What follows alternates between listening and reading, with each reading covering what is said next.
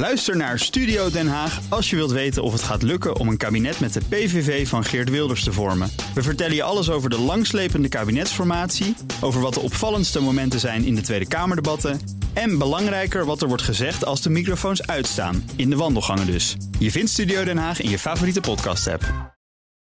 The ladies not for turning.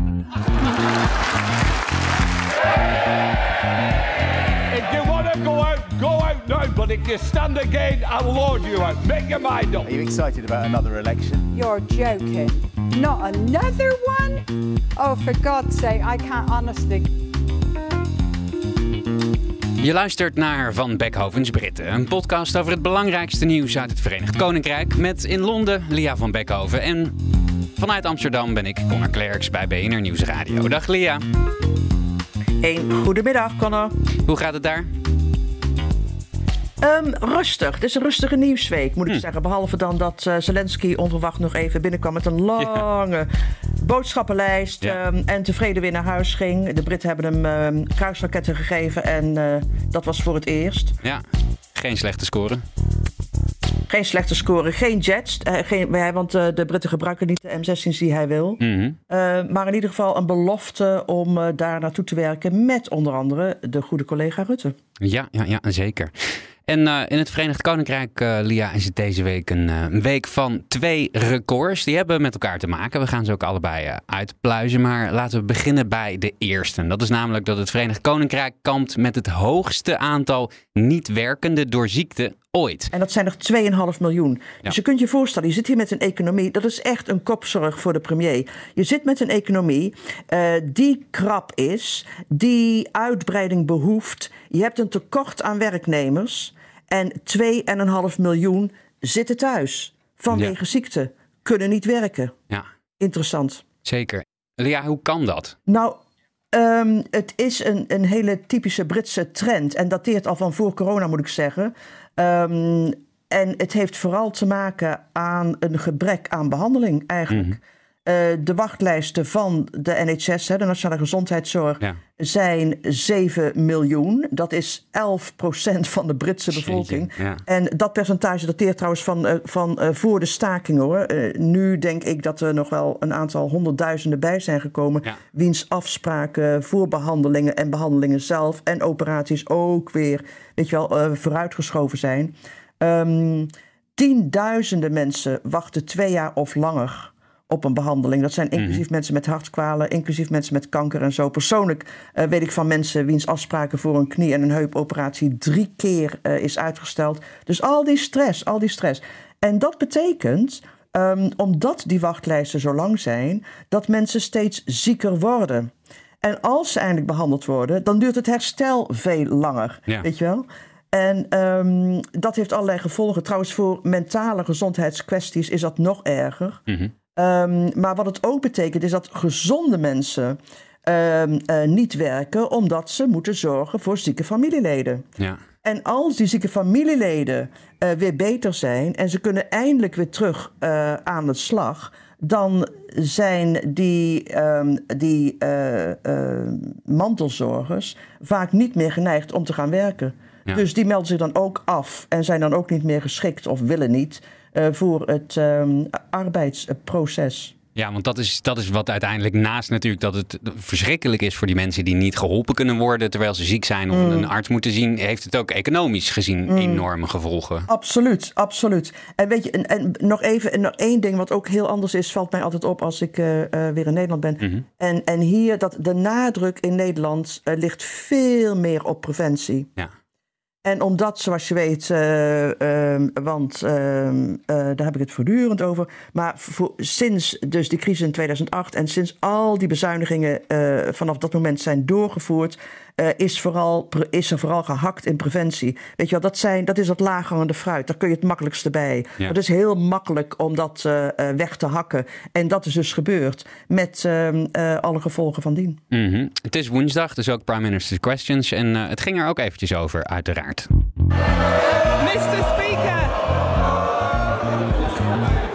Deputy Leader of the Opposition. Thank you, Mr. Speaker. The reality is, after 13 years of Tory rule, they're still lurching from crisis to crisis and wallowing in their own mess. They can't solve the crisis because they are the crisis. The honourable member opposite should take more note of what's happening at his conferences in his party before trying to make up what's happening in mine. The Prime Minister pledged that by March, NHS waiting lists would fall. It's now May. So can he tell us, since he made that pledge, is the number of people waiting on late waiting lists higher or lower? Angela Rayner was dat. Een, uh, ze stelde die vraag aan Oliver Dowden, de gezondheidsminister. Ja, het is PMQ's, dus ze stellen wel vragen, maar antwoorden komen er niet direct. Hè? Niet in de zin van dat zij een directe vraag stelt Nee. en ook een direct antwoord krijgt. Maar het, het, het antwoord op haar Nooit. vraag of die lijsten hoger of lager eh, zijn geworden, groter of kleiner, is natuurlijk groter. Ja, dat is het natuurlijk. Kijk, eh, maar, maar zoals je zegt, eh, zoals je, eh, je kunt geen eh, antwoord verwachten in deze poppenkast, hè, die Nee. wekelijkse poppenkast van eh eh, vragenuurtje aan de premier, PMQ's, Prime Minister Questions. Want eh, daar is het ook niet op gebouwd. Het gaat vooral om punten scoren. En eh, Angela Rayner, waarnemend eh, premier, en Oliver Dowden aan de andere kant, eh, vervangen allebei hun leiders en willen inderdaad vooral dat ze zoveel mogelijk lawaai maken en zich zoveel mogelijk profileren. Ehm, eh, als wie ze zijn dan belangrijk voor hun, voor hun partij, belangrijk voor de populariteit in de fractie en zo. Ja. Dus ehm, vandaar het geschreeuw. Kijk, wij vinden het leuk om naar te kijken. Hè? De, de, de- die hele cultuur van een vragenuurtje is natuurlijk ook fantastisch ehm, eh, aardig, omdat het er erg geanimeerd aan toe gaat. Ja, zeker. Eh, maar de Britten ergeren zich er dood aan. Vanwege wat je net liet horen, Connor. Ja. Je krijgt nooit een normaal antwoord. Al die vragen en de mogelijke antwoorden zijn voorgekoud. Je weet wat er gaat komen. Ehm, eh, dat, dat, dat, dat gezwaai met ordepapieren, dat geroep. Het doet de Britten vaak denken aan een, eh, weet je wel, de laatste dag voor de grote vakantie. Ja. Voor de school, voor de, Ja. voor de zomervakantie van een eh jongenskostschoolklas. Ja, het is, eh, het is een, on- een, een, een klasje eigenlijk wat zich niet helemaal aan de regels houdt. Hè? Die arme speaker, denk ik ook af Ja, en toe. Die maar wij vinden het leuk om te zien. Het is voor, ons, Ja. is, voor ons is het theater. Wij, ja, wij voor de neutrale kijker is dit, eh, is dit zeker interessant om te bekijken. Wat, wat Oliver Dowden zei, eh, trouwens in antwoord op Angela Rayner, is ja, wat mevrouw Rayner nu vergeet, is dat het VK getroffen is door een pandemie die nog nooit eerder op die schaal is voorgekomen. En toen dacht ik, ja, dat, dat zal wel, maar de rest van eh, de wereld ook. En, en wij hebben die problemen niet. Hè? Hoe, komt het dat die NHS zo in verval is geraakt? Ik, het heeft vooral te maken met eh, gebrek aan investeringen. Ehm, een van de redenen waarom er een, eh, zo'n 100.000 mensen zijn waar de NHS naar zoekt voor vacatures. Dus er is een gat van 100.000 banen die gevuld zouden moeten in de NHS. Is omdat de lonen laag liggen. Eh, dus geen aantrekkelijke plek daarom om die redenen om te werken. En dat brengt ons weer terug naar het andere record, Ja. namelijk migratie. Want als je al die gaten niet zelf kunt vullen, dan, te doen gebruikelijk vooral in het Verenigd Koninkrijk, die daar over de, ja, door de jaren heen een handje van heeft, dan ga je kijken naar goedkope arbeidskracht in het buitenland. Ja. En ook nu weer. Maar nu is het echt een probleem. Want eh, er zijn ministers, en de, de eerste minister, de premier is er één van, die het niet erg vindt om de deuren verder open te gooien ehm, en om visa's uit te schrijven voor mensen waar in het Verenigd Koninkrijk een tekort aan is. Maar je hebt anderen die om ideologische redenen daar enorm tegen zijn, zoals de minister van Binnenlandse Zaken, Suella Braverman. Ja, want het, het, het record waar we het over hebben, is een, een, een prognose hè, dat er eh, dit jaar, ehm, of, of bij, bij de komende cijfers, dat er wordt aangekondigd 700.000 tot 1 miljoen immigranten in een jaar tijd. Hè? 1 miljoen immigranten komen naar het Verenigd Koninkrijk in Ja. een jaar tijd. En de enorme druk die dat oplevert op huizen, op, eh, wel, overal op, hè? Op, op school, op onderwijs, op een plaatsje in de bus, een plaatsje in de Ja. metro. Overal moet daar weer voor gevochten worden. Eh, dus dat is een probleem. Ehm, het is ook nieuw hè, voor het Verenigd Koninkrijk om daarover na te moeten denken. Want als lid van de Europese Unie hoeft het dat allemaal niet. Maar ehm, eh, met Brexit is dit echt een punt. Het is Ja. echt een probleem. En ik denk ook, eh, tot op zekere hoogte, was het heel lang een probleem voor de Britse kiezer. Brexit ehm, was, en een van de redenen voor Brexit was omdat veel Britse kiezers een einde wilden aan die enorme eh, immigratie uit de Europese Unie. Ja. En ik herinner me nog dat eh, David Cameron, die beloofde dat terug te brengen tot nou onder de 100.000. En alle premiers sindsdien hebben dat ook beloofd om het aantal migranten drastisch te reduceren. Ehm, dus take back control. Ja. Hè, wat door heel veel mensen die voor Brexit stemden geïnterpreteerd is als minder immigranten, dat pakt nu heel anders uit. Ja, eigenlijk hebben ze dus, eh, als, als ik me even verplaats in, eh, in de stoel van, van, van Rishi Sunak, die heeft een gigantisch probleem. Want die heeft aan de ene kant gigantische arbeidstekorten. Aan de andere kant eh, ehm, wil zijn partij, wil een deel van zijn electoraat, in elk geval dat Brexit-stemmende deel, waarschijnlijk niet dat hij zegt, we lossen dit probleem op met migratie. Terwijl dat, dat lijkt mij eh, de meest voor de hand liggende oplossing. Ja, het is een, eh, het het is een kwestie, eh, immigratie, een kwestie die de eh, politiek inderdaad verdeelt. Eh, mensen als eh, Braverman en andere Brextremisten eh willen minder migranten. Het bedrijfsleven, de pragmatische kant van het Britse kabinet wil meer migranten. En ehm, eh, er, er was, ja, Kijk, er, was een discussie, eh, er is een discussie geweest en die, die wordt nog gevoerd ehm, eh, vandaag en ehm, de komende dagen. Ehm, er is een organisatie, we hebben het er vorige week al over gehad, eh, Nationaal Conservatisme heet Ja. het. Klinkt een beetje als Nationaal so- Socialisme. Ik vroeg me ook af of dat toeval is, maar oké. Eh, een, een groot congres gehouden in Londen dat dagen duurt, gefinancierd en eh geïnstigeerd door een Amerikaanse eh, evangelistische denktank. En ehm, ja, je zou er niet te veel aandacht aan moeten besteden. Waren het niet dat er twee ministers ehm, als sprekers opgetreden zijn. En eh, inderdaad praten over onder andere die immigratiekwestie. Ja. En de meest in het oog lopende is natuurlijk eh, minister van Binnenlandse Zaken geweest, ehm Suella Braverman. Ja, ze zei dit. We need to get overall immigration numbers down. And we mustn't forget how to do things for ourselves. Ja, dus de cijfers moeten omlaag, maar vooral dat, dat tweede deel van de zin, dat, dat vond ik al interessant. We moeten niet vergeten hoe we dingen voor onszelf oplossen. Wat bedoelt ze daarmee? Hoe ze het zelf doen. Wat ze wil is minder migranten en meer baby's. De, de, de, de Britten moeten meer kinderen maken. Wat ze wil is, eh, de Britten moeten daarnaast ook eh, eh, slagers opleiden, plukkers, ehm, eh, vrachtwagenchauffeurs.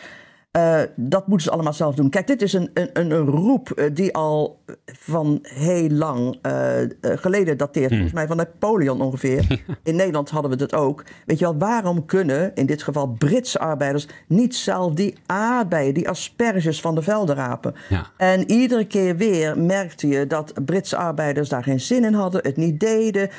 Ze kwamen misschien eh, opdagen en gingen na twee uur weer naar huis, want ze vonden het werk te saai of te zwaar of te pijnlijk. Of ze kwamen helemaal niet opdagen. Dus vandaar dat de Britten altijd ehm, eh, eh, mensen uit het buitenland eh, gevraagd hebben om hierheen te komen. Ja. Ehm, dus dat, dat, dat, dat, dat wil ze. Eh, en daarom dus ehm, eh, minder migranten. Maar nogmaals, vergeef mijn cyni- cynisme. Maar wat Suella Braverman wil, gaat niet werken. Tenzij je echt de lonen fors omhoog trekt. Ja, ja, dan zou je dus eigenlijk voor Kijk, je- je seizoensarbeid en dat soort dingen, eigenlijk wat, wat allemaal voor de Brexit werd gedaan door mensen uit voornamelijk Oost-Europa, als ik Ja. me niet vergis, dat, dat zouden de Ja. Britten nu allemaal zelf moeten gaan doen. Maar daar zitten ze eigenlijk niet op te wachten. Nee, gaat ook niet gebeuren. Want Rishi Sunak heeft al gezegd... dat op dit moment zijn het, ik geloof, 45.000 visa... die ieder jaar, afges- die ieder jaar eh, afgeleverd worden aan buitenlanders... om binnen te komen eh, in het Verenigd Koninkrijk... en hier al die eh, dingen te doen waar de Britten geen zin in hebben. Sunak heeft gezegd dat dat aantal het komende jaar zal worden uitgebreid. En dat is een punt. Wat ik ook zo interessant vind, is dat... Kijk, je, het is ook is, is dat het hier gaat om eh, Sunak, in dit geval pragmatist, versus ehm Suella Braverman. Hè, een, een, een hindoe-minister ehm, eh, die anti-immigratie is, die via Indiaanse ouders die in Afrika woonden naar Engeland kwam. Eh, ze groeide hier op, ze studeerde in Frankrijk. Ehm, ze werkt als advocaat ehm, eh, in de Verenigde Staten. Ze is getrouwd met een Britse Jood. Maar ze is echt tegen een multiculturele samenleving. Eh, wat ze wil, en dat zei ze ook tijdens haar toespraak op dat congres van Nationaal Conservatisme. Wat ze wil is dat niet Britten assimileren. Eh, ze wil vluchtelingen eh, een enkeltje eh, Rwanda sturen. Ze wil hen niet de kans geven om gebruik te maken van de asielprocedure. Eh Suella Braverman wordt daarom ook Cruella eh, Braverman genoemd. Hè, omdat ze te boek staat als de meest hardvochtige minister van, van Binnenlandse Zaken. Maar ze gaat het wel verliezen, dat argument dat ehm, eh, het bedrijfsleven eigen mensen moet opleiden. Eh, want eh, premier Sunak, en ik weet niet of dat goed of slecht is, maar premier Sunak heeft dus besloten om zeker werknemers nodig te hebben om de economie te doen groeien. Afgezien nog van dat er een crisis is hier in de voedselmarkt. En daarom dus maar weer beroep te doen op immigranten. Ja, en ondertussen moet uh, Sunak wel, ja, hij, hij, is een beetje aan het balanceren. Hè? Dus aan de ene kant dat, dat pragmatisme, wat ook een beetje uh, ja. Jeremy Hunt heeft uitgestraald sinds dat hij uh, quasi Kwarteng opvolgde. dat, dat, dat je het bedrijfsleven moet ondersteunen, dat je de economie moet redden. Dat het allemaal gewoon op een, een, ja, een pragmatische manier moet worden opgelost. En aan de andere kant is zo'n Suella Braverman en zo'n Michael Gove ook, die ook op dat congres waren. Die flank van de conservatieve partij, die heeft intern wel veel macht, hè? Um, ik denk dat dat aan het afnemen is. Mm. En ik denk dat uh, de reden waarom die twee, maar, voor, maar vooral dus minister Braveman op dat congres was, was vooral om zich uh, te profileren. He, voor haar is dat congres een springplank naar leiderschap. Uh, ze wil laten zien dat ze in staat is om nog rechtser te zijn dan um, uh, Boris Johnson bijvoorbeeld. Mm -hmm. En dat ze zeker in hetzelfde kamp zit als voorganger Liz Truss. Um, en dat wat haar betreft uh, uiterst conservatief rechts in de Tory-gelederen veilig is met haar als leider. Want vergeet niet, we hadden het er ook vorige week over...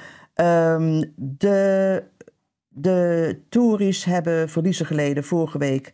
En dat wordt gevoeld. Ja. Dat voelt men nog steeds. He, ze zijn bloednerveus, de conservatieven, want zijn echt bang. En de uitslagen van de lokale verkiezingen waren daar een uh, indicator voor om de volgende landsverkiezingen te verliezen. Ja. En dat betekent uh, een nieuw regime, een nieuw leiderschap. En vandaar dat Suella Braverman zich al aan het warmlopen is op rechts voor die onvermijdelijke leiderschapsverkiezingen. Ja, ja, ze heeft het eerder geprobeerd. Dit is nog een, een, een verdere ruk naar rechts eigenlijk. En dat, dat wat je zegt ook, uh, zelf uh, Britse baby's maken, dat soort dingen. Gaat dat nou bij, bij het electoraat echt aanslaan? Of is dat alleen iets wat, wat, wat een bepaalde flank van die Tories nou echt interessant vindt? Ik denk het laatste. Kijk, als, ik, uh, als je luistert naar uh, Braverman en al die andere uh, sprekers op dat congres van Nationaal Conservatisme. Ja. Het is anti-immigrant, ze zijn anti-woke, anti-deskundig, anti-abortus, ehm, pro het traditionele gezin, waarmee bedoelt man, vrouw, kinderen, vleugje anti-homo, de termen die je hoort gebruiken. Uh, internationaal marxisme, globalisten, weet je wel, allemaal gehoord al in het verleden in de context van antisemitisme. Mm -hmm. uh, en extreem, extreem rechts. Um, en het Verenigd Koninkrijk is sociaal niet zo'n land en snakt daar ook niet naar. Nee. Ik bedoel, de Britten zijn veel uh, progressiever dan dat. Vooral de afgelopen 15 jaar Um, heb je het over een bevolking die beter is opgeleid, die uh, stedelijker is, ook wat betreft de manier waarop zij naar het leven kijken en de wereld kijken, um, uh, die veel liberaler is en progressiever is dan hun ouders. Ja. Dus eigenlijk voelt het heel erg vorige eeuw en een vorig tijdperk, tijdperk en te Amerikaans voor het Verenigd Koninkrijk. Ja. En wat vindt Sunak hier nou eigenlijk zelf van? Ik kan me voorstellen dat hij het niet heel leuk vindt dat hij, uh, hij is natuurlijk de boel in het geel en het proberen te houden. En dan heb je je binnenlandminister die dit soort speeches gaat geven. Maar hij, heeft, maar hij wist wel wat ze ging zeggen. Ja, dat las ik ook. Ja, Downing Street heeft getekend uh, voor die speech. Hè? Ze hebben hem gewoon precies, gelezen. Precies. Ja, maar kijk, um, uh, Sunak is ja en nee. Ik bedoel, je kunt niet zeggen die man is uh, progressiever of uh, meer Europees gezind. Ja. Hij is een pragmaticus, maar ideologisch een, een, vrijdenker. Ja. die trouwens sociaal veel conservatiever is, veel rechter is dan zijn voorgangers. Hmm. Zeker veel rechter als Boris Johnson. Ehm, eh, maar inderdaad, hij is zich erg bewust natuurlijk van de, recht, de, meest rechtse vleugel eh, van zijn fractie. En wat hij bijvoorbeeld gedaan heeft om hen tegemoet te komen, is om te zeggen: die 45.000 bootjesmensen, immigranten ehm, eh, die ieder jaar, of in ieder geval dit jaar waren het er 45.000, proberen naar het Verenigd Koninkrijk te komen, eh, die willen we absoluut terug blijven sturen, of willen het in ieder geval proberen naar Rwanda. Nou heeft Sunak gisteren aan het Europese Hof van Mensenrechten gevraagd um, hun regels aan te passen, zodat zij uh, ook hun zegen daaraan geven en niet meer voor zo'n uitzetting naar Rwanda gaan liggen. Nou, He, dus hij wil uh, uh, uh, inderdaad dat ehm, uitzetting naar Rwanda dat dat legaal wordt. En dat doet hij om zijn achterban eh, te paaien. Ja, zie je dat gebeuren, Lia? Um, de, het Europese Hof zou ja. cool geweest zijn hierover. En dan is de vraag: gaat Sunak zover dat hij ruzie riskeert en zelfs terugtrekking uit het Hof? Als uh, uh, zij zeggen: nee, wij vinden eerst dat je op zijn minst een asielprocedure moet uh, aanbieden. voordat je mensen in een nekvel plakt, pakt, uit die bootjes ligt. en meteen op het toestel naar Rwanda zet. Ja. En um, tot slot in, in dezelfde categorie, namelijk de Britse strijd tegen Europese regels, nog iets anders. Nigel Farage is weer namelijk weer eens opgedoken en die gaf een interessant interview. A poll from last month showed that this is a general Brexit question. 53% of people say it was wrong to Brexit. That was a poll last month. Around one in five Leave voters regret it. The OBR forecasts a 4% hit to the economy over the medium to long term. On Hang that. on, yeah. four, that's 40 billion in tax revenues. The UK economy is the only G7 economy not back to its pre-pandemic size. Business investment has lagged behind comparable economies. Economically, the UK would have been better staying in, wouldn't it? I don't think that for a moment. But what I do Based think, on all that? But what, I do, but what I do think is we haven't actually benefited from Brexit economically when we could have done. I mean, what Brexit's proved, I'm afraid, is that our politicians are about as useless as the commissioners in Brussels were. We've mismanaged this totally. And if you look at simple things, simple things uh, such as takeovers, such as corporation tax, we are driving business away from our country. Arguably, now we're back in control. We're regulating our own businesses even more than they were Okay. as EU members. Brexit This has failed. for you then? Well, I wouldn't rule it out. It's not top of my bucket list, but frankly, we've not delivered on borders. We've not delivered on Brexit. The Tories have let us down very, very badly. Frankly, Brexit has failed. En dat zegt dan uh, Mr. Ja. Brexit zelf, Nigel Farage. Dat is opmerkelijk. Ja, Bre- Brexit is uh, mislukt. Dus twee haakjes, wat hij dus ook zei. Um, uh, dat hij een comeback niet uit houdt. Ik, is het de vijfde of de zesde? Ik weet dat hij zich zeven keer uh, kiesbaar heeft gesteld voor het uh, Britse parlement. En zeven keer is hij daar niet in geslaagd. Dus ook daarin is hij uh, mislukt. Ik denk, qua Brexit kon er... We zitten nu in die fase waar, um, dat hoorde je Farage ook zeggen, hè, het, het hele project, het Brexit-project, is verraden. Mm. Niet natuurlijk door um, uh, mensen als Nigel Farage, de bedenkers ervan, de supporters ervan, de mensen die er alles aan gedaan hebben om het over de streep te krijgen. Nee, uh, zij nemen niet, hè, nooit de verantwoordelijkheid uh, voor dit plan, maar het ligt allemaal aan de uitvoerders. Um, dat, dat is het argument wat je ook hoort. Hè? Uh, als je het hebt met uh, steile communisten of socialisten. Ja, in theorie is het prachtig en het moet gewoon lukken. Maar het is nooit gelukt omdat het slecht is uitgevoerd. Ja. Um, interessant is, vind ik, het is niet langer te verdoezelen. Brexit werkt niet. En nu is het geïmplodeerd. En je ziet nu ook dat die mensen um, uh, die daarachter stonden, wiens idee het was als Nigel Farage, hè, je, ze keren nu naar binnen. Uh, uh, kleine kliekjes zijn met elkaar aan het uitvechten aan wie het allemaal ligt. Ze zijn elkaar aan het beschuldigen van verraad. Um, terwijl de rest, de volwassenen in de Kamer, um, puin ruimen en proberen deze roekeloze stunt min of meer in het geheel te krijgen. Ik wens je heel veel sterkte. Tot zover van Backoffice Britten voor uh, deze week. Ja, ik hoor op de achtergrond volgens mij de hele tijd vogeltjes. Klinkt heel gezellig. Ga je nog naar buiten? Ja, eh, zodra, zodra ik kan, ga ik naar buiten. Het is hier prachtig weer. Ik weet niet hoe het met jou is. Maar dat jullie die vogels hoort. Ik heb mijn raam maar een heel klein beetje open. Maar ik heb wel een tuin. Ja, dat is wel lekker. Dankjewel Lia, ik spreek je woensdag weer. Tot volgende week.